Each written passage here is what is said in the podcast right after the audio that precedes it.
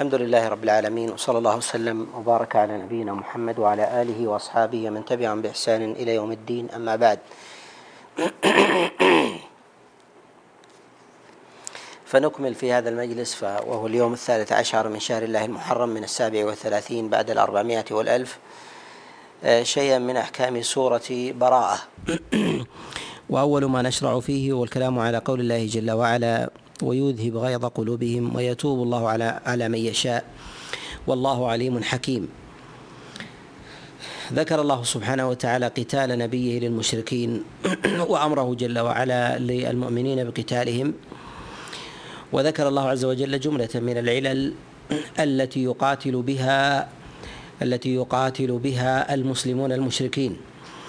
وأول هذه العلل وأهمها هو ما تقدم معنا في أمر الله عز وجل بإعلاء كلمته وظهور أمره. وقاتلوهم حتى لا تكون فتنة.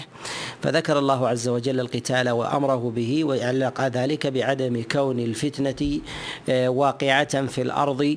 وإن أوجدها الله عز وجل قدرا إلا أن الله سبحانه وتعالى قد كره شرعا. وإذا كان ذلك هو المقصد الأول فيعلم أن ثمة مقاصد لكنها ليست مرادة آه، بذاتها وإنما تأتي تبعا. ومن هذه المقاصد التابعة للمقصد الأعظم في ذلك هو ويشفي صدور قوم مؤمنين. ويذهب غيظ قلوبهم أي أنه يجوز للمؤمنين أن يقاتلوا المشركين مع وجود هذا الأمر آه، في نفوسهم. لكن لا يكون مقصدا لا يكون مقصدا اولا واساسيا في قتال في قتال الكافرين. وذلك أنهم إذا قتلوا إشفاء لصدورهم واذهابا لغيظ قلوبهم كان ذلك قتالا للنفس وانتصارا لها وعلوا في الأرض وبطراء وهذا يفعله أهل التجبر والتكبر والطغيان فكان ذلك مذموما. ولكن إذا كان المقصود في ذلك هو إعلاء كلمة الله وجاء تبعا ترجيح إشفاء أو شفاء صدور قوم مؤمنين على على الكافرين. وهذا من المقاصد الصحيحة المترجحة في في شدة القتال ابتداء وكذلك أيضا في شدة في شدة القتال ابتداء وألا يكون من جهة الأصل مشروعا لأجل هذا الأمر ولكنه يأتي ممزوجا بالأصل الأول. وكذلك أيضا عند ترجح أمرين عند ترجح أمرين وذلك مثلا في الأسرى كأن يكون ثمة أسرى في الكافرين آه، وخيروا بين قتاله بين قتلهم وبين وبين فدائهم. وكان في قتلهم شفاء لصدور المؤمنين وإذهابا لغيظ قلوبهم فإن هذا من المقاصد الشرعية ولكنه لا يولد تشريعا مستقلا لا يولد تشريعا مستقلا. يعني لا يجوز لأحد أن يقتل احدا اذهابا لغيظ قلبه أو شفاعا لصدره ولكنه قد يكون مرجحا لكنه قد يكون مرجحا. وذلك في جملة من القرائن منها أن الإنسان إذا كان له حق مثلا في قصاص في في قصاص إما أن يستوفيه وإما أن يعفو. ويجد في قلبه من الغيظ ما لا تستقيم معه حياته فيه إلا بالتشفي بأخذ حقه. فإن ترجيحه لذلك لأجل هذه العلة صحيح. كذلك أيضا من جهة قتل الأسرى لأن الله عز وجل قد أذن وخير المؤمنين بذلك. وذلك بين قتلهم وبين المن عليهم وبين وبين الفداء. وذلك أنهم يفدون بالمال أو يفدون بشيء من العوض من اسرى المسلمين أو كذلك أيضا شيء من أمور من الأمور والمنافع ولو كانت معنوية فان ذلك يسمى يسمى فدية. ونقول إذا ترجح لدى المؤمنين القتل لعلة إذهاب غيظ قلوب المؤمنين وكذلك أيضا شفاء لما في صدورهم فإن تلك العلة علة صحيحة ولهذا اعتبرها الشارع علة تابعة وما اعتبرها علة مستقلة. اعتبرها الشارع علة تابعة وما اعتبرها علة مستقلة لأن العلة المستقلة هو القتال لإعلاء كلمة الله. هو القتال لإعلاء لإعلاء كلمة الله سبحانه وتعالى وذكر الله عز وجل لشفاء صدور المؤمنين وإظهار وإذهاب غيظ قلوبهم دليل على اعتبار هذه العلة. دليل على اعتبار هذه هذه العلة.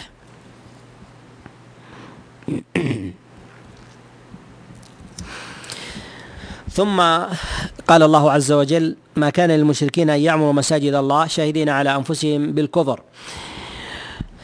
ذكر الله عز وجل هذه الآية بعدما ذكر قتال المشركين والبراءة منهم و الفيصل والفي والفارق بين المؤمنين وبين الكافرين. ذكر الله عز وجل بعد ذلك ذكر الله عز وجل بعد ذلك ما يتعلق بعمارتهم لبيت الله لأن الله عز وجل أمر بقتالهم وإخراجهم كذلك أيضا من المسجد الحرام وألا يطوف في البيت وألا يطوف في البيت عريان وكذلك ألا يحج بعد هذا العام مشرك. هذا إخلاء لهم إخلاء من موضع العبادة. ذكر الله عز وجل بعد ذلك علة ناهية في ذلك أنهم ليس لهؤلاء الذين يشركون مع الله عز وجل غيره أن يعمروا مساجد الله.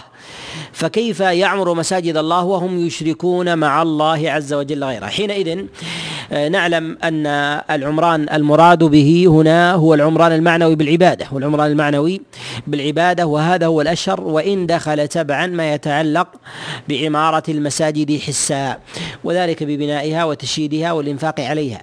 لماذا؟ لأن هذا عباده أيضا كما يبذل الإنسان العبادة لله في المساجد بسجود وركوع وقيام وتسبيح وقراءة قرآن وغير ذلك من العبادة فإنه يدخل فيها أيضا من العبادة في هذا الموضع من تطيبها وتنظيفها وتشييدها وعمارتها وصيانتها وغير ذلك فهذا أيضا عبادة مصروفة لله فيها. وعلى هذا نقول ان إنه لا يجوز للمشركين أن يباشروا أن يباشروا ذلك في بيوت الله لا بالعباده العبادة المعنويه ولا كذلك أيضا بالعبادة الحسية وذلك من تشييد بيوت الله سبحانه وتعالى. وهل يعني ذلك أنه يحرم على المسلمين أن يمكنوا المشركين من بناء بيوت الله جل وعلا أم أن هذا خاص ب خاص بالمسجد الحرام؟ نقول آه هذه الآية هي جاءت في سياق المسجد الحرام جاءت في سياق في سياق المسجد الحرام. والعلماء عليهم رحمة الله يقولون في ذلك إن المسجد الحرام له خصيصة وخصيصته في ذلك يختلف العلماء في قدرها يختلف العلماء في قدرها ويتفقون على أنه ليس لمشرك آه، أن يتولى أمر المسجد الحرام ولا كذلك أيضا أن يقوم ببناء الكعبة ولا أيضا بالعمل فيها ولا بتشييدها ولا بصيانتها وغير ذلك لظاهر هذه الآية. وإنما الخلاف عند العلماء في جملة من المسائل المتعلقة بهذا الأصل متعلقة بهذا الأصل وهو دخول المسجد الحرام والدنو منه وكذلك أيضا ما يتعلق ببيوت الله عز وجل الأخرى ببيوت الله عز وجل الأخرى. هل للمسلمين أن يمكنوا المشركين من بنائها وتشييدها؟ وكذلك أيضا من دخولها. وهذا مسألة يأتي الكلام عليها بإذن الله تعالى. نقول في قول الله جل وعلا ما كان للمشركين أن يعمروا مساجد الله. شاهدين على أنفسهم بالكفر. ذكر الله سبحانه وتعالى ما يتعلق بعمارة المساجد وذكر شهادتهم على أنفسهم بالكفر والإشراك مع الله عز وجل غيره. حينما ذكر الله سبحانه وتعالى آه، منعهم من دخول من من من عمارة المساجد ذكر وصفا من أوصافهم وعلة من العلل التي يتعلق بها ذلك المنع أنهم شاهدين على أنفسهم شاهدين على أنفسهم بالكفر. فهل يلزم من ذلك فهل يلزم من ذلك الشهادة شهادة الإنسان على نفسه بالكفر أن يكون كافرا؟ نقول إن الكفر في ذلك على نوعين الكفر في ذلك على نوعين كفر ظاهر كفر ظاهر وذلك مما ممن يعلن كفره كاليهودي والنصراني وكذلك أيضا الوثني والملحد. والثاني كفر باطن ممن يظهر الإسلام ولكنه يبطن الكفر. فنقول إن الحكم المتعلق في هذه المسألة هو حكم يتعلق بمن أظهر كفر بمن أظهر الكفر. الذي يقول أنا نصراني أو يهودي آه، أو وثني آه، أو غير ذلك. ولكن من أضمر كفرا كبعض الطوائف الباطنية كبعض الطوائف الباطنية الذين لا يشهدون على أنفسهم بالكفر ويقولون نحن مسلمون ولا نشرك مع الله عز وجل غيره. وإن علم أنهم يبطنون الكفر فهؤلاء لا يمنعون من لا يمنعون من دخول المسجد الحرام. لا يمنعون من دخول المسجد الحرام. لماذا؟ لأن كفرهم باطن والنبي صلى الله عليه وسلم قد علم من أحوال بعض المنافقين كفرا باطنا بالوحي. كفرا باطنا بالوحي. ولا أدل ولا أظهر ولا أجلى ولا أصدق من وحي الله سبحانه وتعالى في بيان وعلم ما غاب عن الإنسان. ومع ذلك النبي صلى الله عليه وسلم عاملهم بما ظهر من أمره. ولهذا بعض الطوائف الباطنية ممن آه، يعلم من باطنه الإشراك ولكنه لا يجهر به ويدخل المسجد الحرام. وكذلك أيضا من المنافقين الذين يعلم من سرائرهم ممن يطلع على شيء منهم أنه لا يؤمن بالله ربا ثم ثم دخل المسجد الحرام بناء على ما يظهره من من إسلام وعدم إشراك. فنقول حينئذ إنه ليس للمسلمين أن يمنعوهم. لأن الله سبحانه وتعالى ذكر في ذلك علة في منع في منع المشركين من عمارة المسجد الحرام يعني من أداء العبادة وكذلك أيضا من أداء العبادة وكذلك أيضا من عمارة المساجد ما يتعلق بشهادة المشرك على نفسه بالشرك. هل يدخل في هذا من ارتكب شركا وأظهره ولكنه لا يسميه شركا؟ نقول لا يدخل في هذا. لا يدخل في هذا في هذا الحكم لأنه لا اعتبار بشهادة الإنسان على نفسه بالشرك أو بعدم شهادته عليها إذا كان قد تلبس بالشرك في ذاته لأن العبرة بتلبسه لا بشهادته على نفسه. وإن كان ذكر ذلك لأن هذا تمام الإقرار لأنه تمام الإقرار وإلا بالعبرة هي بما ظهر من حال بما ظهر من حال الإنسان.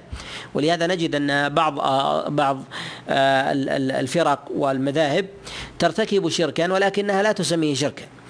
لا تسمي نفسها بمشركة حينئذ نقول إن العبرة بما ظهر من الأفعال لا بما جرى على اللسان من الأقوال لا بما جرى على اللسان من الأقوال.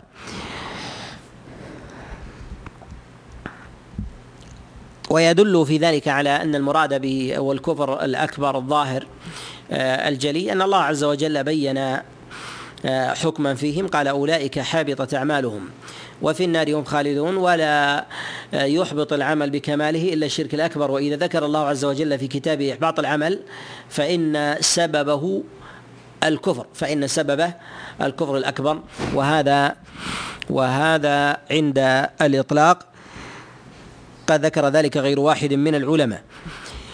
وهنا مسألة من المسائل المتعلقة بهذه بهذه الآية وهي ما يتعلق بعمارة المساجد. لماذا منع الكافر من عمارة المسجد الحرام؟ تقدمت العلة ولكن ما يتعلق بمسألة بقية المساجد. هل للمشرك أن ينفق على مسجد على مسجد من مساجد أو بيت من بيوت الله؟ وأن يقوم مثلا بتشييده أو مثلا بتطيبه أو مثلا بفرشه أو غير ذلك. وهل يقبل منه ذلك ذلك أم لا؟ ينبغي أن نبين أمرا من الأمور قبل الكلام والخوض في هذه المسألة. أن الله سبحانه وتعالى لما جعل المساجد مواضع عبادة وسماها الله عز وجل بيوته وهي بيوت الله عز وجل لأنها متخصصة في أداء عبادة المتعبدين له.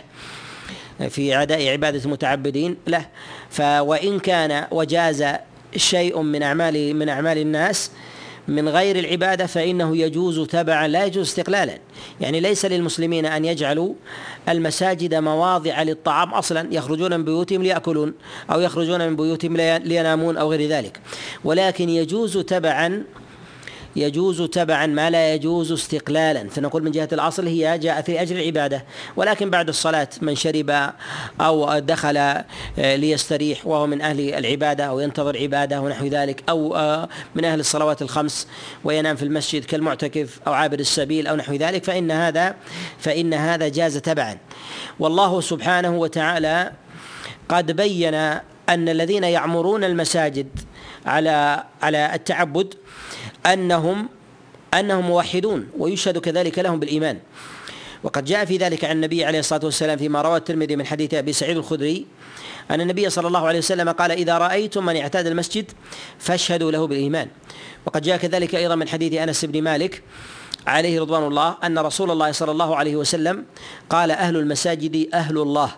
أهل المساجد أهل الله. وقد جاء كذلك عند عبد الرزاق في كتاب المصنف من حديث أبي إسحاق عن عمرو بن ميمون قال أدركت أصحاب رسول الله صلى الله عليه وسلم وكانوا يقولون إن المساجد بيوت الله وعمارها زواره وحق على زوار الله أن يكرموا. فإذا كانوا كذلك واستحقوا الوصف بالإيمان والشهادة لهم بالتزكية وأنهم أهل الله وأنهم حق الإكرام فمن دخل المسجد وعمره فإنه يستحق ذلك والكافر لا يستحق هذه المعاني فلا يستحق أن يوصف بأنه من أهل الله ولا يستحق كذلك أيضا أن يشهد له بالإيمان لأنه يعتاد المسجد لعبادة يشرك مع الله عز وجل بها غيره ولهذا ولهذا جعل غير واحد من العلماء أن العلة عامة في عدم دخول المساجد آه، من المشركين. سواء كان ذلك من المسجد الحرام أو كان ذلك مسجد رسول الله صلى الله عليه وسلم أو كان ذلك المسجد الأقصى ويعم في ذلك سائر المساجد ممن ليست ممن آه، ليست آه، معظمة في تضعيف معين دل على تخصيصها إلا ما اشتركت به من جهة كونها من بيوت الله ومواضع من مواضع من مواضع العبادة. فالعلماء عليهم رحمة الله اختلفوا في في في هذه القضية في قضية إنشاء وتشييد المساجد من قبل مال كافر أو أن يقوم الكافر بنفسه في ذلك. منهم من منع لهذه العلة ومنهم من قال إن هذه العلة لا تنطبق على عامل المساجد. لا تنطبق على عامل المساجد باعتبار أنه فعل ذلك عرضا ولم يأمرها بالعبادة. ولم يأمرها بالعبادة. من قال بأن معنى العبادة عام ويدخل في ذلك حتى التشييد حينئذ قالوا إنه ينبغي ألا يحاد الله عز وجل بأن يتلبس يتلبس بعبادة في بيت من بيوت الله ويشهد له بالإيمان وأن يكون من أهل الله ومن زوار الله الذين يستحقون الإكرام. فيجب أن يمنع فيجب أن يمنع من ذلك.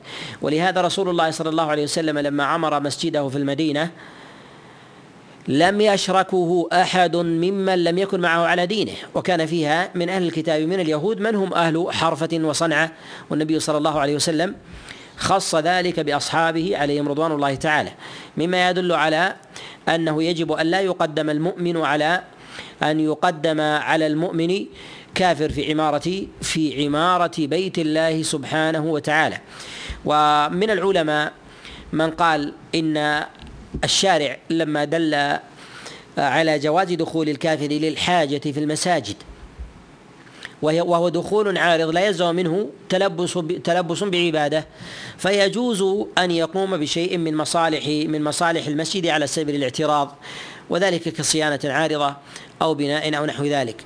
الصواب في ذلك أن التشييد لا يجوز إلا عند الحاجة والضرورة. عند الحاجة والضرورة. كأن لا يوجد مسلم يقوم بتلك الحرفة أو بتلك الصنعة.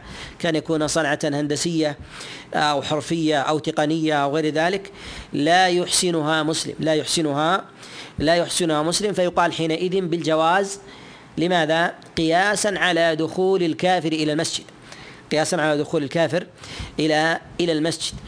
وما يتعلق بدخول الكافر على بدخول الكافر إلى إلى المسجد. هذا أيضا يحتاج إلى شيء من التفصيل وقبل التفصيل لابد أن ندخل إلى مقدمة نقول إن ما يتعلق بسياق هذه الآية وما يأتي من آيات نقول إن الله سبحانه وتعالى حرم على المشركين دخول المسجد الحرام. دخول المسجد المسجد الحرام. وما يتعلق بالمسجد الحرام هل يدخل في ذلك مسجد النبي عليه الصلاة والسلام؟ وهل يعم ذلك تبعا سائر المساجد؟ أم لا يعمها؟ نقول كل ما ورد في المسجد الحرام وما دخل في مسجد رسول الله صلى الله عليه وسلم فالأصل في ذلك فالأصل في ذلك عمومه ما لم يدل دليل على الخصوص. ومن قرائن الخصوص في ذلك أن يوصف الممنوع به أن يوصف الممنوع به بأنه حرام. ومعلوم أن بقية المساجد لا تسمى حرما. أن بقية المساجد لا تسمى حرما وإنما ما يسمى حرم محل اتفاق والمسجد الحرام على خلاف ما يتعلق بمسجد رسول الله صلى الله عليه وسلم على ما يأتي الإشارة على ما يأتي الإشارة إليه. اختلف العلماء في دخول الكافر إلى دخول الكافر إلى المساجد. دخول الكافر إلى إلى المساجد. ما يتعلق بالمسجد الحرام؟ لا يجوز له أن يدخل المسجد الحرام مقيما فيه باتفاق. مقيما فيه باتفاق. وإذا كان من غير إقامة كان يكون عابرا كان يكون عابرا. نقول إن ثمة موضع اتفاق وثمة موضع اختلاف. أما موضع الاتفاق فاتفقوا على أن المشرك لا يدخل المسجد الحرام والمراد بذلك الوثني أنه لا يدخل المسجد الحرام لا عابرا ولا يدخل كذلك أيضا مقيما. فإذا لم يدخل عابرا فإنه من باب أولى ألا يدخل لا يدخل إقامة. وأما الكتابي فاختلف العلماء في دخوله عابرا في دخوله في دخوله عابرا.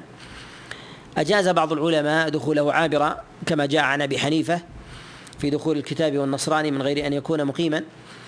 وذهب جمهور العلماء إلى منعه من ذلك سواء كان مقيما أو كان أو كان عابرا أو كان أو كان عابرا. وهذا القول هو الأقرب للصواب. هذا القول هو الأقرب الأقرب للصواب. وأما بالنسبة لمسجد رسول الله صلى الله عليه وسلم فإن الحكم فيه أخف. فإن الحكم فيه أخف. وما جاز في مسجد رسول الله صلى الله عليه وسلم فإنه في بقية المساجد أجوز. وذلك لأن مسجد النبي عليه الصلاة والسلام وفي التعظيم والتشريف و وعظم المنزلة يأتي بعد المسجد الحرام. يأتي بعض المسجد الحرام وما قد يجوز في وقد يجوز فيه ما لا يجوز في المسجد الحرام وما جاز في المسجد الحرام جاز فيه وما جاز في مسجد رسول الله صلى الله عليه وسلم فإنه يجوز في بقية المساجد فإنه يجوز في بقية المساجد. ولهذا اختلف العلماء في دخول الكافر إلى مسجد رسول الله صلى الله عليه وسلم. فاختلفوا في هذه في هذه المسألة على قولين ذهب بعض العلماء إلى المنع ذهب بعض العلماء إلى إلى المنع إلى أنه لا يدخل في مسجد رسول الله صلى الله عليه وسلم مشرك سواء كان كفره ذلك بالشرك الوثنية أو كان ذلك بأهل الكتاب. كان ذلك من أهل الكتاب. ومن قال بدخول المسجد الحرام على الاعتراض أبو حنيفة فإنه يقول في ذلك مسجد النبي عليه الصلاة والسلام من باب أولى. والقول الثاني قالوا بأنه يجوز أن يدخل المشرك المسجد لحاجة أو لضرورة لحاجة أو أو لضرورة. وقيده الشافعي رحمه الله بإذن المؤمنين بذلك. والإذن في ذلك يدل على أنه ليس له سلطان مستقل بأن يدخل كيفما شاء. وأما بالنسبة إذا دخل من تلقاء نفسه وخرج من تلقاء نفسه فأن ذلك امار أمارة على سلطانه أمارة على على سلطانه. وقد جاء عن رسول الله صلى الله عليه وسلم أنه أدخل بعض المشركين بعض المشركين في مسجده عليه الصلاة والسلام. كما أدخل النبي عليه الصلاة والسلام نصارى نجران وأدخل ثقيف وأدخل بعض المشركين إلى مسجده منهم عقابا وربط بسارية المسجد ومنهم من دخل سائلا مستجيرا سائلا سائلا مستجيرا. فإن هذا يدل على جواز دخوله إذا كان لحاجة فإنه هذا يدل على جواز إذا كان إذا كان إذا كان لحاجة. وإذا كان هذا الحكم في مسجد رسول الله صلى الله عليه وسلم فإن ذلك في بقية المساجد. فإنه يدخل فيه في هذا الحكم من باب أولى. وإذا اتخذت بعض المساجد مدخلا من غير إذن كالمساجد التي تتخذ سياحة وهذا يوجد في بعض البلدان هذا يوجد في بعض البلدان بعض المساجد الأثرية القديمة وما تزال قائمة ويصلي فيها الناس يدخل فيها المشركون. سواء كانوا من من الكتاب أو كانوا من الوثنيين يدخلون فيها فرجة وسياحة. هذا لا يجوز. هذا لا يجوز. ولا ينبغي أن يجري على أصول السلف في مسألة الخلاف في جوازه. لأن هؤلاء إنما دخلوا أولا بغير إذن المسلمين ثانيا دخلوا تنزها وسياحة. وما دخلوا موضعا للعبادة ولا لسماع ولا لحاجة. وفي هذا امتهان للمسجد كذلك. فإن منهم من يدخل المسجد وهو على نجس. والمشركون وأهل الكتاب لا يعرفون الغسل من الجنابة وقد نهي عنها المسلم. وكذلك نساؤهم في دخولهن إلى المساجد من جهة الاستنقاء وغير ذلك. ولهذا نقول إن مثل هذه الصور يمنع ذلك. وربما هذا هو الذي أشار إليه عمر بن عبد العزيز كما جاء في رواية أبي عمرو بن العلاء أن عمر بن عبد العزيز كتب إلى عماله أن يمنعوا المشركين من دخول المساجد وذلك حتى لا تمتهن. وكذلك أيضا فإن في تكرار الواحد منهم الدخول إلى المسجد بمثل هذه الصورة نوع من الخلط في التمايز بين أهل الإيمان عمار المساجد وبين من دخل المساجد لغير هذا المقصد. فيجب منعهم لأجل ذلك فيجب منعهم لأجل لأجل ذلك. وأما ما يتعلق بمسألة من المسائل وهي عمارة المسجد بمال كافر. عمارة المسجد بمال بمال كافر أو مشرك. هل يجوز للمسلمين أن يأذنوا للمشرك بعمارة مسجد أو إذا عمر المسجد من كافر من غير علمهم ثم أو من غير إذنهم فبادر ببناء مسجد ثم جعله للمسلمين كما يفعله بعض السلاطين وكذلك أيضا بعض حكام البلدان اليهودية والنصرانية فإنهم يقومون ببناء مساجد لأقليات مسلمة عندهم ويهدونها إلى المسلمين. هل يجوز لهم أن يصلوا فيها؟ وهل يمنعون من ذلك أم لا؟ نقول أولا من جهة اختيار المسلمين لذلك فهذا له حكم. والأمر الثاني إذا لم يكن لهم اختيار كأن يقام المسجد من غيرهم ثم يقومون بأخذه لإقامة العبادة فيه ويكون الأمر إليهم. وبين أخذ المال من المشركين وطلبهم المال منهم لإقامة المساجد وتشييدها. فهاتان حالتان مختلفتان. أما الحالة الأولى وهي ما يتعلق ببناء الكافر للمسجد ثم إهدائه للمسلمين فإن هذا الأصل أنه لا حرج فيه. أن هذا لا حرج لا حرج فيه. أولا لأنه لم يكن باختيار المؤمنين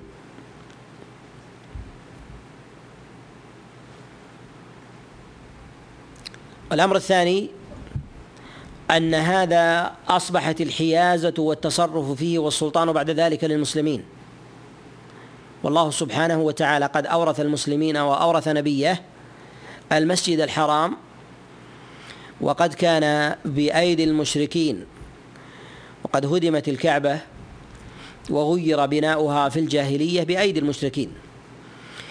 وما نقض رسول الله صلى الله عليه وسلم ما فعله المشركون لأنه بأيدي المشركين ثم أزاله ليبنى بأيدي المؤمنين.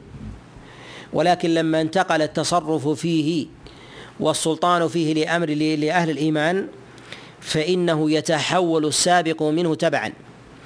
ولما وقع السلطان فيه للمؤمنين لم يكن النبي صلى الله عليه وسلم يأذن لأحد من المشركين أن يتولوا أمره أن يتولوا أمره. وعلى هذا نقول إذا كانت الصورة الأولى فهي جائزة وأما الصورة الثانية أن يقوم المشرك بعرض مال على المؤمنين أو أن يقوم المسلمون بسؤال المال من المشركين أن يقوموا بعمارة المساجد فقد اختلف العلماء في هذه المسألة على قولين. ذهب طائفة إلى المنع إلى أنه لا يجوز لهم أن يفعلوا ذلك.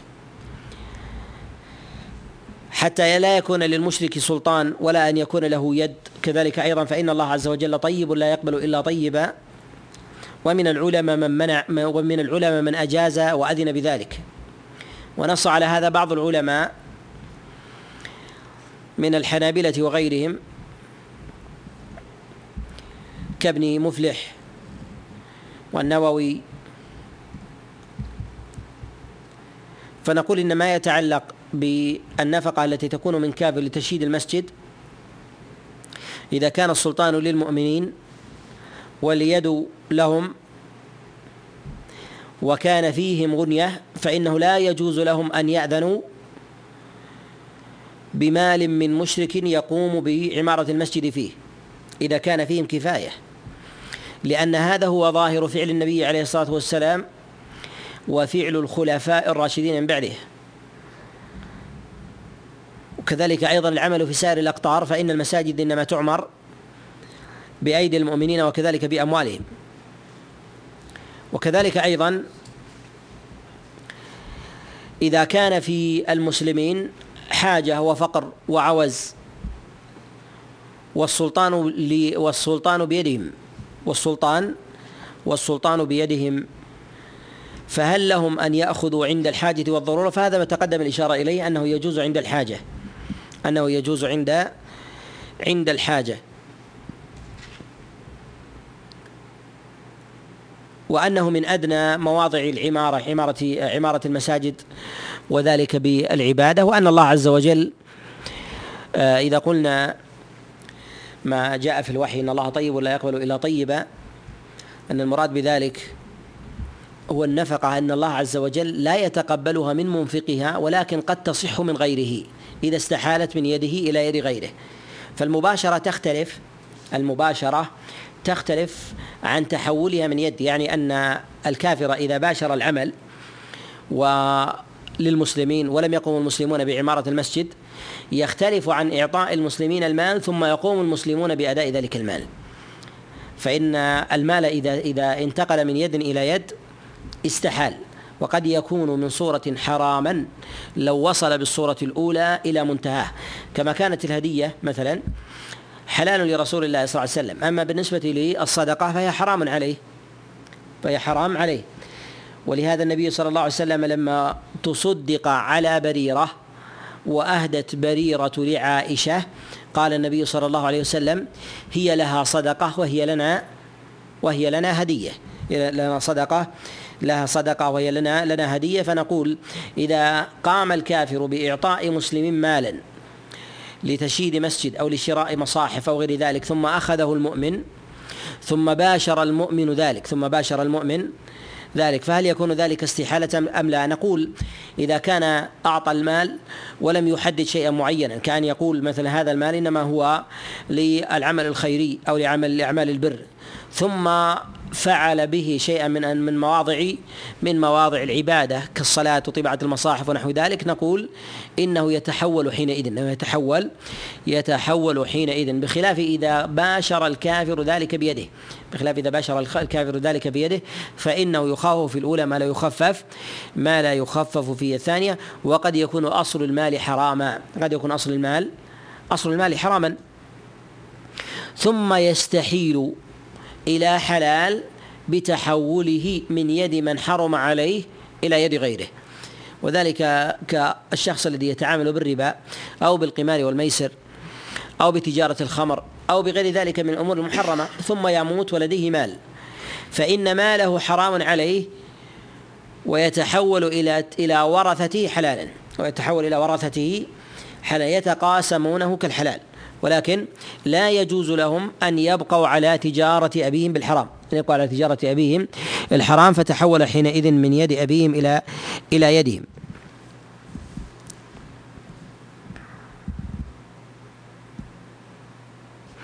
في قول الله عز وجل إنما يعمر مساجد الله من آمن بالله واليوم الآخر وأقام الصلاة وآتى الزكاة ولم يخش إلا الله. ذكر الله سبحانه وتعالى هنا عمار المسجد الحرام. وإنما ذكر الله عز وجل المساجد بالجمع.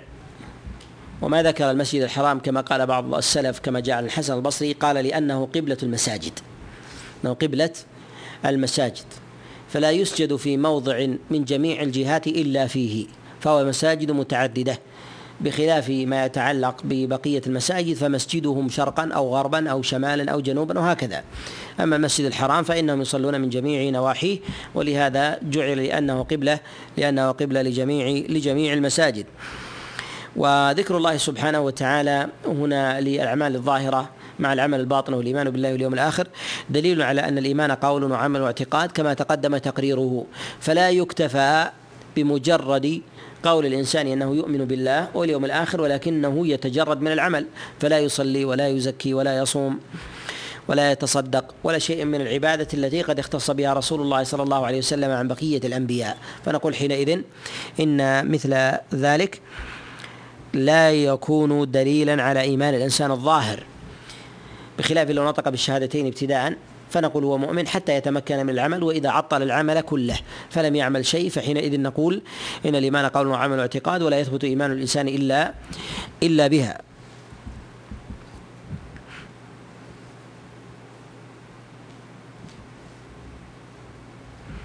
في الآية التي تليها في قول الله عز وجل جعلتم سقاية الحاج وعمارة المسجد الحرام كمن آمن بالله واليوم الآخر وجاهد في سبيل الله لا يستوون عند الله ذكر الله سبحانه وتعالى ما يتعلق بمسألة ما تفعله قريش وكانوا يتفاخرون فيه ويظنون أنهم أنهم أنهم خير من غيرهم. نقول هنا مسألة قبل الكلام على ما كانت تفعله قريش وما كانوا يفاخرون فيه العرب والمسلمين آه، ممن آمن بمحمد صلى الله عليه وسلم وأن كفار قريش وقعوا في ضلالة عظيمة.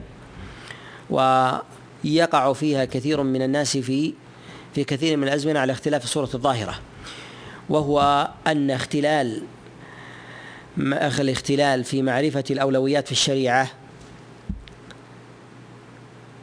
خلل في مفهوم الإسلام وربما يؤثر على أصل إيمان الإنسان ويؤثر كذلك أيضا ويؤثر على إسلامه ثبوت إسلامه من كفره. فإن الخلل يكون في الأصول ويكون في الفروع.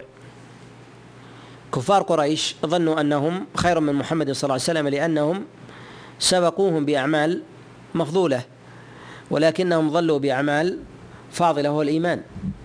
والأعمال المفضولة هي سقاية الحاج وعمارة المسجد الحرام. فموحد في غير المسجد الحرام أيهما أعظم موحد في غير المسجد الحرام أو مشرك عند المسجد الحرام؟ موحد في غير المسجد الحرام. أعظم عند الله عز وجل من مشرك عند المسجد الحرام. بل لا يقال إن بينهما تفضيل لأنه لا فضل لمن أشرك مع الله عز وجل غيره مهما كان موضعه ومهما كانت ومهما كانت بقعته. ولهذا نقول إن ما يتعلق بالخلل في ذلك هو الذي أضل كفار قريش. وقد جاء من حديث علي بن أبي طلحة عن عبد الله بن عباس أنه لما أسر العباس قال إنا سبقناكم بعمارة المسجد وسقايه الحاج. إنا سبقناكم بعمارة المسجد وسقايه وسقايه الحاج. فجعل عبد الله بن عباس من أسباب نزول هذه الآية هو كلام بعض المشركين ومن أسر مع رسول الله صلى الله عليه ومن أسر من المشركين بيد رسول الله صلى الله عليه وسلم. ومن كان يقول ذلك أيضا يظن أنه يقاتل رسول الله صلى الله عليه وسلم على ما معه من حق مفضول على ما معه من حق من حق مفضول. وعلى هذا نقول إن المؤمن إذا ثبت إيمانه واستقر إسلامه فإنه حينئذ الخلل لديه فيما يتعلق في التفاضل في الأعمال أمر يسير. أما إذا كان الخلل في مسائل التفاضل بين أصل الإيمان وبين وبين فرعه فإن ذلك ضلالة كضلالة الجاهليين من المشركين كضلالة الجاهليين من من المشركين. وكذلك أيضا يظن كثير من العامة أن الإنسان إذا تلبس بشيء من العبادات الظاهرة أن هذا دليل على إسلامه وتوحيده سواء كان ذلك من أعمال البر من الصدقات وبناء المساجد وكفالة الأيتام والأرامل وغير ذلك من أعمال البر التي يفعلها يفعلها الناس أن هذا أن هذا دليل على إيمانه وهذا ليس بصحيح. بل إن الإيمان لا يثبت إلا بما دل الدليل عليه والإيمان بالله وبرسوله. وبملائكته وكتبه وبالبعث بعد الموت وبالقدر خيره خيره وشره. فإذا آمن الإنسان بذلك ولم يرتكب شيئا من نواقض الإسلام فإنه حينئذ يشهد له يشهد له بالإيمان يشهد له بالإيمان. أما ارتكاب شيء من الأعمال المجردة فإن هذا لا يحقق إيمان الإنسان بالله ربا وبرسول الله صلى الله عليه وسلم نبيا حتى يقول الشهادتين ويعمل بمقتضاهما.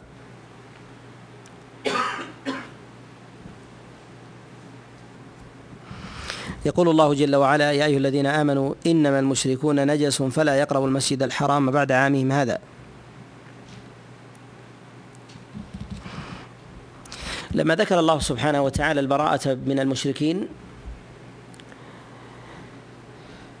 وأمر نبيه صلى الله عليه وسلم بقتالهم وبعث من ينادي بمكة قبل حجه ألا يحج بعد هذا العام مشرك وألا يطوف في البيت عريان.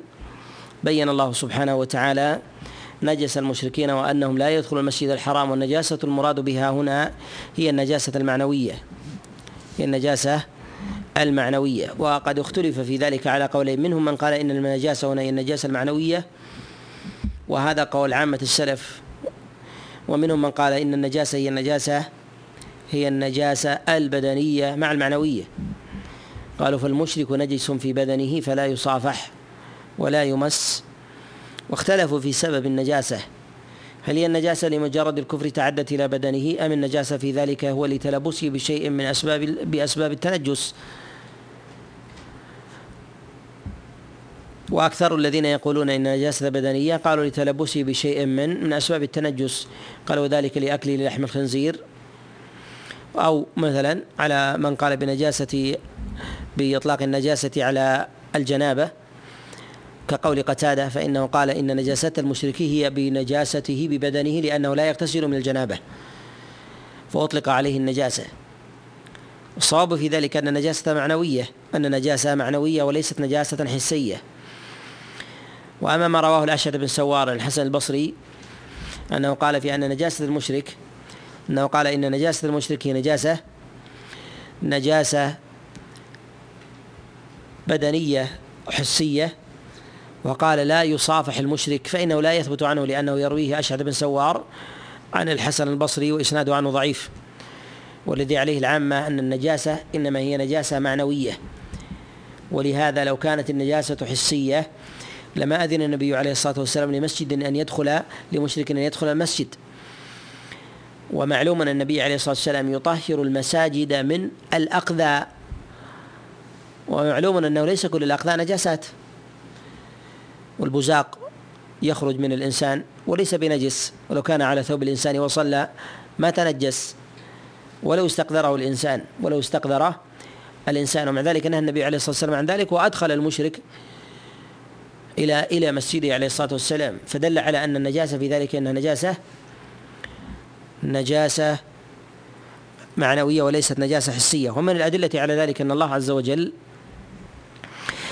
أجاز للمؤمنين نكاح نساء أهل الكتاب وفيها من المماسة. كذلك أيضا أجاز الله عز وجل للمؤمنين الأكل من طعام المشركين. وإن طبخوه وكذلك أيضا في آنيتهم. واستثنى من ذلك الوثنيين إنما رخص الله عز وجل بذبائح أهل الكتاب. وأما طعامهم إذا قدموه وكان أصله حلالا ولو كان وثنيا فإنه حينئذ يقال بجواز ذلك. لأن النبي عليه الصلاة والسلام دعته امرأة يهودية وتوضأ النبي صلى الله عليه وسلم من مزادة امرأة مشركة فدل على طهارة أوانيهم مع كونهم يماسونها وينظفونها بأيديهم ويضعون الطعام بأنفسهم فإن هذا فإن هذا دليل على على طهارة طهارة أبدانهم. في قول الله جل وعلا فلا يقربوا المسجد الحرام بعد عامهم هذا. ذكر الله سبحانه وتعالى سبب التحريم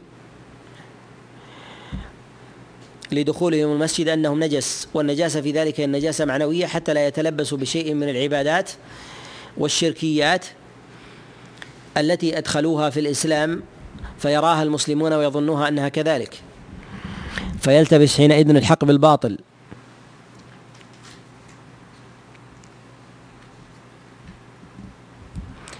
وهنا مسألة من المسائل العظيمة المتعلقة بجوانب إحسان الظن بالله وكذلك أيضا حسن الامتثال واليقين بأمر الله عز وجل أن الله سبحانه وتعالى لما بين نجاسة المشركين ونهاهم الله جل وعلا عن دخول المسجد الحرام خشي المسلمون أن يكون في ذلك تحولا في دنياهم.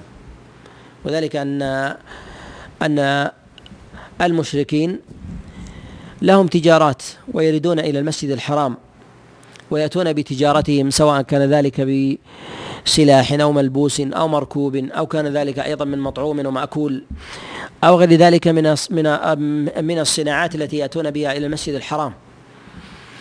فخشي أصحاب رسول الله صلى الله عليه وسلم العيلة وهو الفقر وهو الفقر وضعف التجارة والاقتصاد وغير ذلك.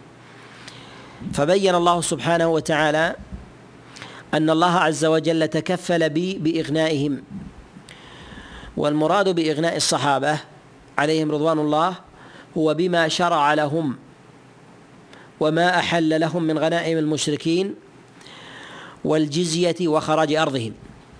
وأن الله عز وجل سيجعل لهم من الرزق والغنيمة ما هو أعظم ما يفقدونه من من منع المشركين من دخول المسجد الحرام. وفي هذه الآية حينما ذكر الله عز وجل خوف المؤمنين من العيلة والفقر أنه ربما يقع في نفوس أهل الإيمان عند امتثال أمر الله خوف فوت الدنيا.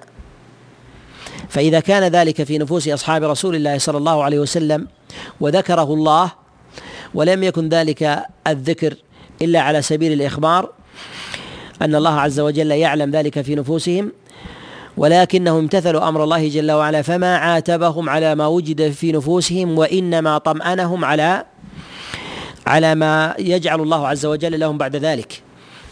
من غنى من غنائم وفيء وجزية وخراج وغير ذلك مما يأخذونه من مما يأخذونه من المشركين. وأما الخشية التي تمنع الإنسان من امتثال أمر الله وتجعله يتردد في القيام به فإن هذا من خصال النفاق. فإن هذا من خصال من خصال النفاق.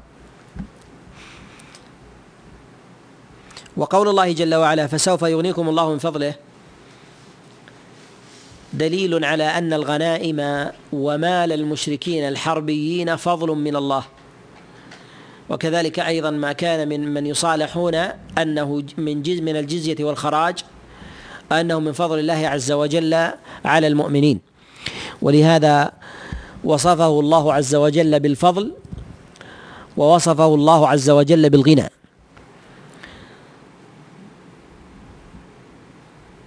وقد جاء عند الترمذي وغيره أن رسول الله صلى الله عليه وسلم قال جعل الله رزقي تحت ظل رمحي وجعل الذلة والصغار على من خالف أمري. وهذه الآية كافية عن هذا الحديث مغنية عنه لظهورها وجلائها. وذلك للكلام للكلام فيه فنقول إنها ظاهرة في أن الله عز وجل لما منع المشركين من دخول مكة وما يفوت من تجارتهم وأرزاقهم أنه معوض بما لو قاموا بأمر الله سبحانه وتعالى.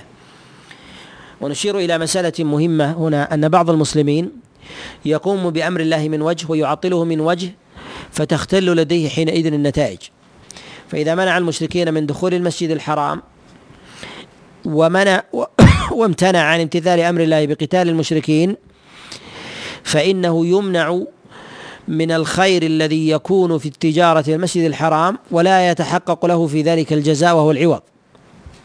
وسبب في ذلك هو تقصيره بامتثال أمر الله سبحانه وتعالى فإن الله توعد بمن امتثل أمر الله جل وعلا تاما أن يحقق له أن يحقق له ما وعده من خير في عاجل أمره في الدنيا. أو في آجله في الآخرة.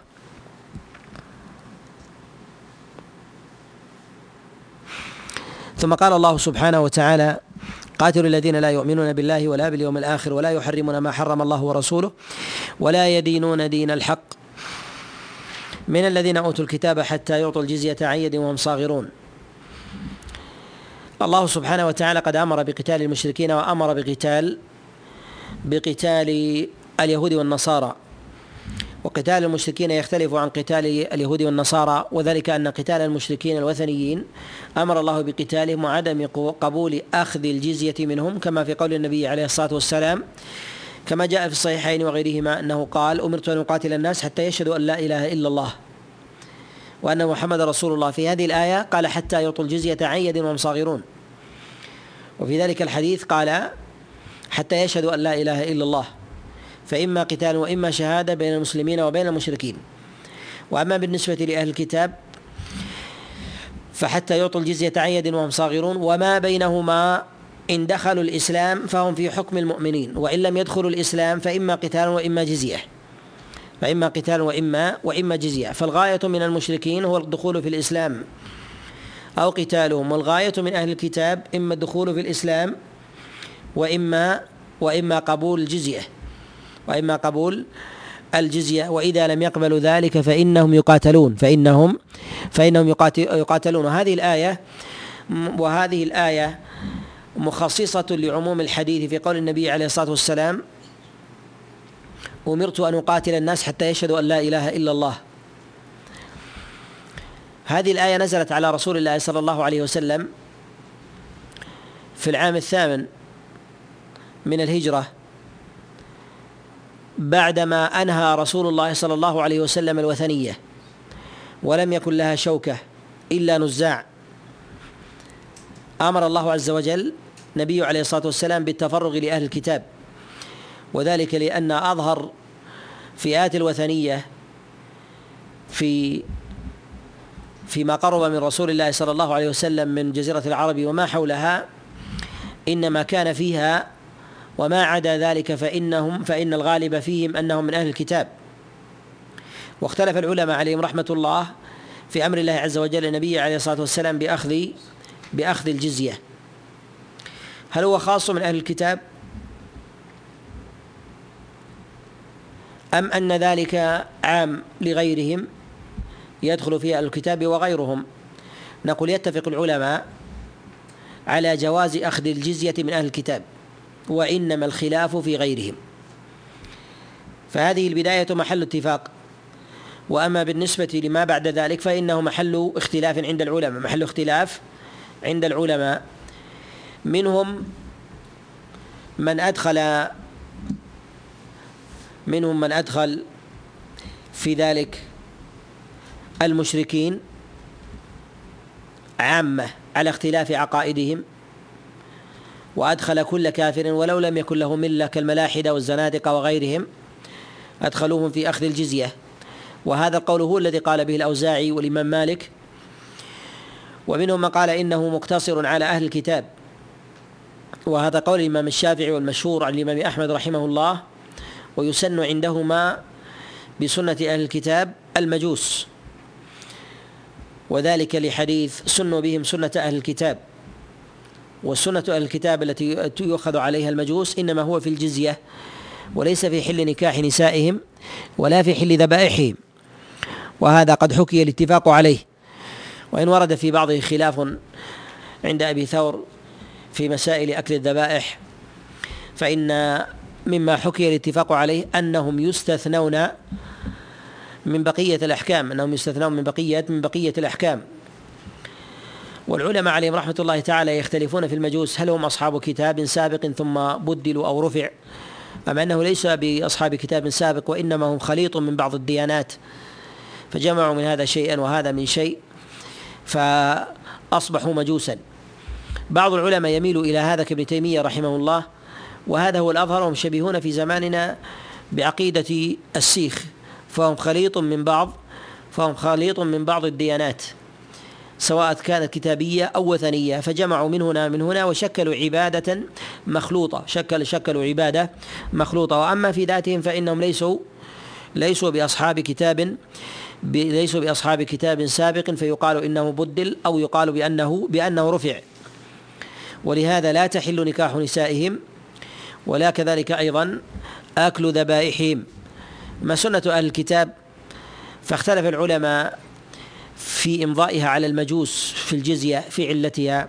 منهم قيل للشبهة أنهم شبهة أهل الكتاب ومنهم من قال العلة في ذلك غير ظاهرة ويجرى في ذلك الحكم على ظاهره.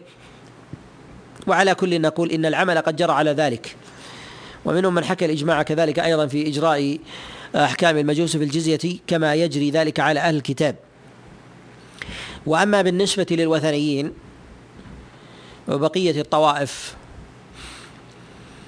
فمنهم من فرق بين العرب والعجم. وقال إن العرب لا يقبل من وثنيهم جزية سواء كانوا من كفار قريش أو من غيرهم. وأما العجم فتقبل منهم الجزية ولو كانوا وثنيين. ويدخل في ذلك البوذيون والهندوس وعباد الكواكب وغير ذلك. وهذا قول أبي حنيفة ورواية عن الإمام أحمد رحمه الله. وإنما وقع الخلاف في ذلك عند العلماء أن هذه الآية نزلت متأخرة على رسول الله صلى الله عليه وسلم في اخذ الجزية. قالوا ولم يؤمر رسول الله صلى الله عليه وسلم لما كان يقاتل العرب إلا بقتالهم إما قتال وإما صلح فلا يؤخذ من ذلك جزية. لماذا؟ لأن الجزية يلزم منها طول البقاء على ذلك الأمر. يعني أنه لا حد على أخذ الجزية يأخذها لعام أو أو مئة عام. فيبقون على هذا الأمر وما زال المسلمون يأخذون الجزية من أهل الكتاب وهم مستوطنون قرونا. وهم مستوطنون قرون. قالوا وإبقاء الكتاب يختلف عن إبقاء الوثني لأننا لو أبقينا الوثني في ذلك على الجزية يلزم من ذلك أن يبقى مستديما بين ظهرانينا. وهذا يخالف أمر الله جل وعلا في يخالف أمر الله جل وعلا في قتال في قتال كفار قريش. في قتال كفار قريش فإن الله عز وجل أمر بقتالهم واستئصالهم وأمر بقتال الوثنية كذلك. والقول بالجزية يعني إمضاؤها وإبقاؤها على ما هم ما هم عليه ولو كان قرونا ولو كان ولو كان قرونا. ولهذا ذهب الإمام أحمد والشافعي إلى أن الوثنيين لا يدخلون في ذلك وأن الجزية وأن الجزية إنما هي إنما هي لأهل الكتاب إنما هي لأهل الكتاب. وما عداهم فإنه يكون بينهم وبين المسلمين صلح كما كان النبي بينه وبين كفار قريش وبعض قبائل العرب صلحا كما تقدم معنا في أول هذه في أول هذه هذه السورة. واختلف العلماء في الجزية في الجزية والخراج وما هو العلة في أخذها ما هو العلة في أخذها؟ منهم من قال إنها لحماية الدم وعصمته. قالوا فإذا كانوا تحت سلطان المسلمين وعصموهم من القتل فإن مقابل ذلك مقابل ذلك دفع الجزية. وعلى هذا نأخذ من هذا علة وهو أن المسلمين إذا عصموهم دماءهم واستطاعوا على حمايتهم من أن تستباح حرماتهم فإنهم يأخذون منهم الجزية. وإذا كانوا لا يستطيعون عصمة دمائهم من عدو يصول عليهم وليس للمسلمين تمكين فيهم فنقول حينئذ على هذه العلة لا يأخذون الجزية لأنهم لا يملكون لا يملكون عصمة الدم لهم من غيرهم ولو ملكوه من أنفسهم ولو ملكوه من ولو ملكوه من أنفسهم. ومن العلماء من قال بأن العلة في ذلك هي الصغار والإذلال. قال وذلك أن الله عز وجل يقول حتى يعطوا الجزية عيد وهم صاغرون. ومنهم من قال إن الصغار هو تابع لعصمة الدم فإذا كنت تحميه وهو صاحب قوة وأنت أقوى منه فذلك نوع من الصغار. ويعطيك المال على ذلك ويعطيك المال المال على على ذلك. واختلف العلماء في المقدار الذي يؤخذ من الجزية. اختلفوا في هذه المسألة على عدة أقوال وأصح هذه الأقوال إن أن المال لا حد له فيأخذ منه فيأخذون من المشركين جزية وخراجا ما يتصالحون عليه. وهذا جاء عن عطاء بن أبي رباح وهو ظاهر تنوع قضاء رسول الله صلى الله عليه وسلم وقضاء عمر. وقال به أبو عبيد القاسم بن سلام ورجحه ابن تيمية إلى أنه لا قدر في الجزية فيأخذون ما يتصالحون عليه. والقول الثاني قد ذهب بعض العلماء إلى أنه أنه يؤخذ من كل حال من دينار يعني من كل بالغ. قال وذلك هو أمر رسول الله صلى الله عليه وسلم لمعاذ كما جاء عند أبي داود لما بعث النبي عليه الصلاة والسلام معاذا إلى اليمن. فأمره أن يأخذ من كل حال من دينار. قال وهو البالغ. ونقول إن النبي صلى الله عليه وسلم لما بعث معاذا إلى اليمن قضى النبي عليه الصلاة والسلام أيضا بأخذ الجزية صلحا على بعض المشر على بعض أهل الكتاب والمجوس من غير أن يكون ثمة حد فإنه صالح أهل نجران من غير حد الدينار على على الحالم كذلك أيضا على أهل البحرين. وإنما جاء في قضاء معاذ هي قضية عين. رأى رسول الله صلى الله عليه وسلم هذا القدر كافيا. وحينئذ لا نقول بأنها قضية لا نقول بأنها قضية عامة وإنما هي قضية قضية عين وإنما هي قضية قضية عين. ومن العلماء من قال بقضاء عمر من العلماء من قال بقضاء عمر في ذلك. وهذا الذي ذهب إليه بعض العلماء كالامام مالك رحمه الله وهو قول أيضا لأبي حنيفة وقول لأحمد كذلك والأرجح في ذلك أنه لا حد لا حد في الجزية وإنما هو على ما يتصالحون عليه. ومن لم يكن مقاتلا لا يؤخذ عليه جزية. لماذا؟ لأن العلة على ما قلنا هي عصمة الدم. والمرأة والطفل الصغير والشيخ الكبير والراهب لو قدر عليه لم يقتل. لو قدر عليه لم يقتل. ولم يكن أيضا مقصودا من كل عدو ولم يكن أيضا مقصودا من كل من كل عدو عند الناس عربهم وعجمهم أن المرأة تقصد بالقتل والطفل يقصد بالقتل والشيخ والراهب فإنما كانت هذه الأشياء يتجوز بتركها في عرفهم. فخرجت من هذا الأمر من جهة أخذ أخذ الجزية.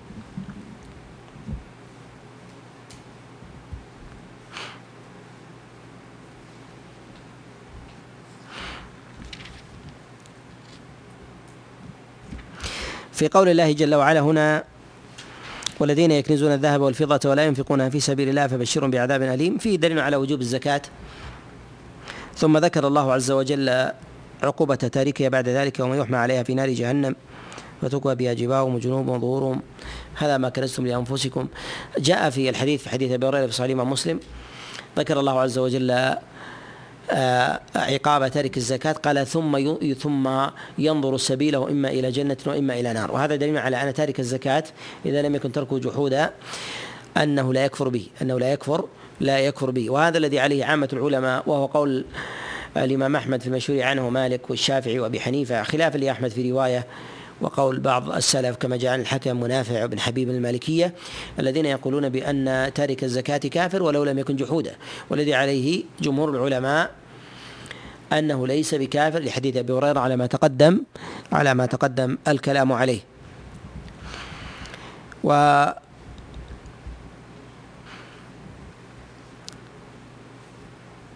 بعضهم أخذ من هذا العموم والذين يكنزون الذهب والفضة ولا ينفقونها في سبيل الله أخذوا منها وجوب زكاة الحلي.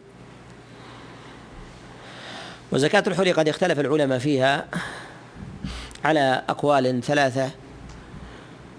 طائفة قالوا بالوجوب بوجوب الزكاة.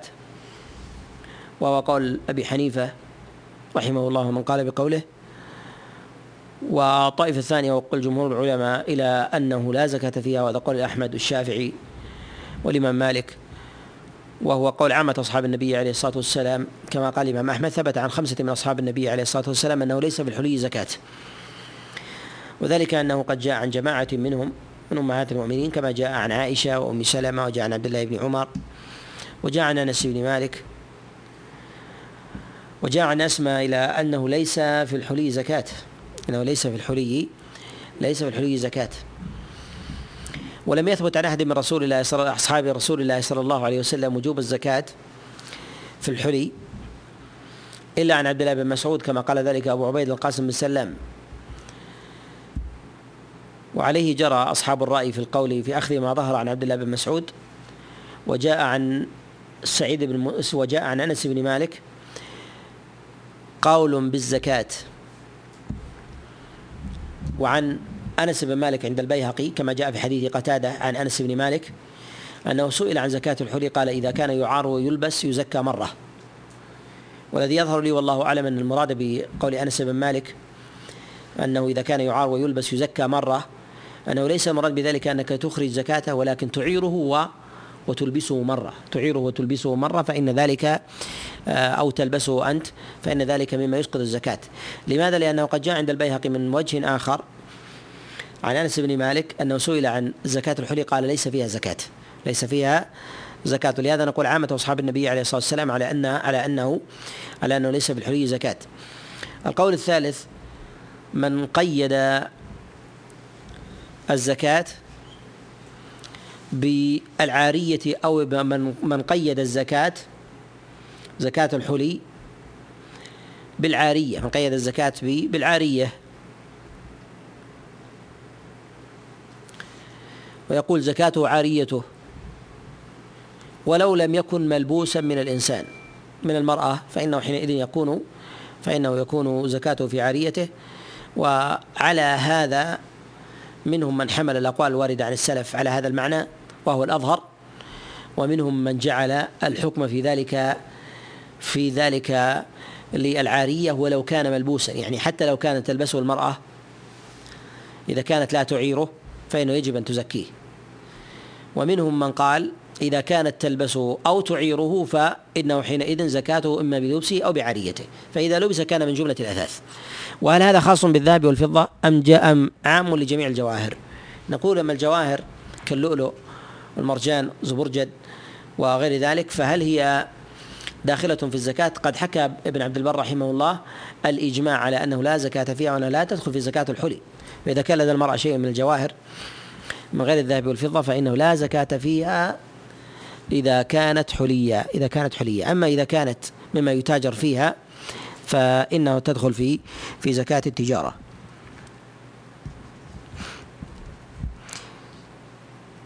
في قول الله جل وعلا فلا تظلموا فيهن أنفسكم وقاتلوا المشركين كافة.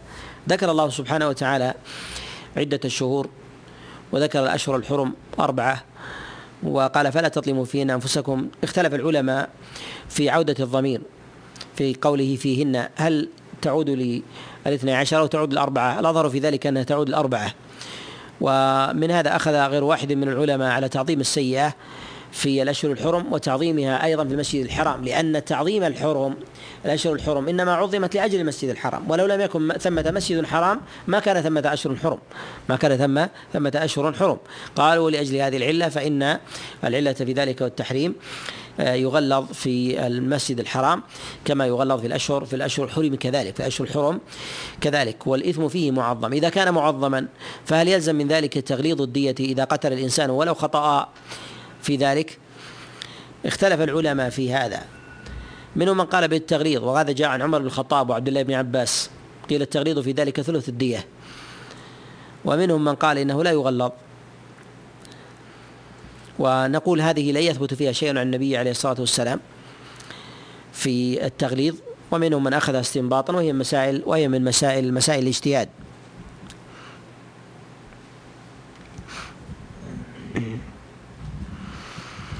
وفي قول الله سبحانه وتعالى ما لكم إذا قيل لكم انفروا في سبيل الله ثقلتم من الأرض وفي قول الله جل وعلا بعد ذلك لا تنفروا يعذبكم عذابا أليما. آه هذه آه جاء عن عبد الله بن عباس والحسن وعكرمة أنها منسوخة أنها أنها منسوخة.